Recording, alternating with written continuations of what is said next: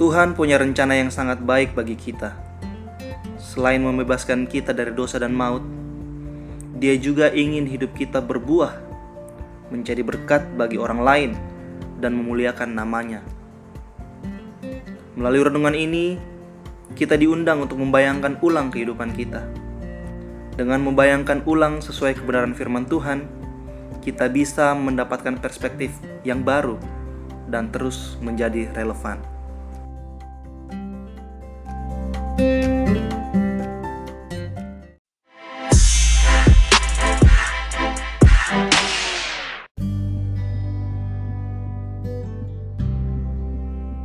Oke, kita masuk di hari ke-8 yang perlu kita reimagine. Tema kita adalah reimagine dan yang perlu kita reimagine salah satunya adalah keluarga. Oke. Saya akan bacakan beberapa ayatnya. 1 Timotius 3 ayat 15 ini surat Rasul Paulus ke Timotius, anak rohaninya. Di situ dikatakan 1 Timotius 3 ayat 15 dikatakan, "Jadi jika aku terlambat, sudahlah engkau tahu bagaimana orang harus hidup sebagai keluarga Allah, yakni jemaat dari Allah yang hidup, tiang penopang dan dasar kebenaran." Dan di Amsal 22 ayat 6 di situ dikatakan, "Didiklah orang muda menurut jalan yang patut baginya, maka pada masa tuanya pun ia tidak akan menyimpang daripada jalan itu." Ulangan 6 ayat 5 sampai ayat yang ke-7 di situ dikatakan, "Kasihlah Tuhan Allahmu dengan segenap hatimu dan dengan segenap jiwamu dan dengan segenap kekuatanmu. Apa yang kuperintahkan kepadamu pada hari ini haruslah engkau perhatikan. Haruslah engkau mengajarkannya berulang-ulang kepada anak-anakmu dan membicarakannya apabila engkau duduk di rumahmu, apabila engkau sedang dalam perjalanan, apabila engkau berbaring, dan apabila engkau bangun." Dan ayat yang terakhir, Mazmur 127 ayat 5 dikatakan, Berbahagialah orang yang telah membuat penuh tabung panahnya dengan semuanya itu. Ia tidak akan mendapat malu apabila ia berbicara dengan musuh-musuh di pintu gerbang. Wow. Untuk kali ini adalah keluarga yang harus kita reimagine. Nah, saudara-saudara, keluarga adalah rancangan utama Tuhan sebenarnya untuk mewariskan nilai-nilainya, nilai-nilai kerajaan surganya secara turun-temurun ke setiap generasi. Nah, di dalam keluarga kita bertumbuh dan di dalam keluarga identitas kita terbentuk. Kita mendapatkan nilai-nilai kehidupan di dalam keluarga.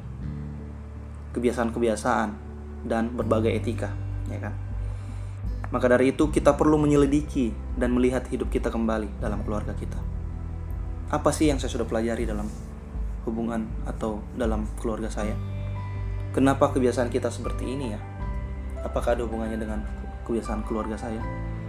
Adakah hal-hal yang perlu kita rubah dalam kehidupan berkeluarga kita? Nah, kita tidak bisa memilih dari keluarga seperti apa kita berasal. Tetapi setiap kita diberikan kesempatan oleh Tuhan untuk menentukan keluarga seperti apa yang kita mau bangun. Betul nggak teman-teman? Selain itu, kita sebagai orang percaya adalah bagian dari keluarga Allah dalam persekutuan kita dengan orang-orang percaya lainnya sebagai gereja Tuhan. Nah, saudara, keluarga yang sehat akan membentuk kota yang sehat. Dan kota yang sehat akan membentuk bangsa dan generasi yang kuat. Saat kita memutuskan untuk membangun keluarga seperti yang Tuhan inginkan dengan kebenarannya sebagai dasar, maka bangsa dan generasi kita akan menjadi kuat nantinya. Nah, teman-teman, mari kita lihat peran yang kita miliki dalam keluarga kita saat ini. Apakah kita adalah orang tua atau apakah kita seorang anak? Apa pun peran kita dalam keluarga tersebut, mari kita bangun sebuah keluarga di mana kasih karunia Tuhan bisa dirasakan secara nyata.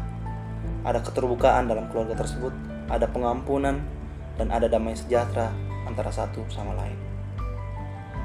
Mari teman-teman kita berdoa. Tuhan, Tuhan Yesus, terima kasih untuk keluarga yang Kau berikan kepada kami masing-masing. Kami mau mengasihi keluarga kami lebih lagi ya Tuhan. Dan kami mau membangunnya berdasarkan kebenaran-kebenaran. Terima kasih ya Tuhan Yesus, ini doa kami. Ini permohonan kami. Di dalam namamu kami berdoa. Amin. Tuhan berkati teman-teman. Shalom.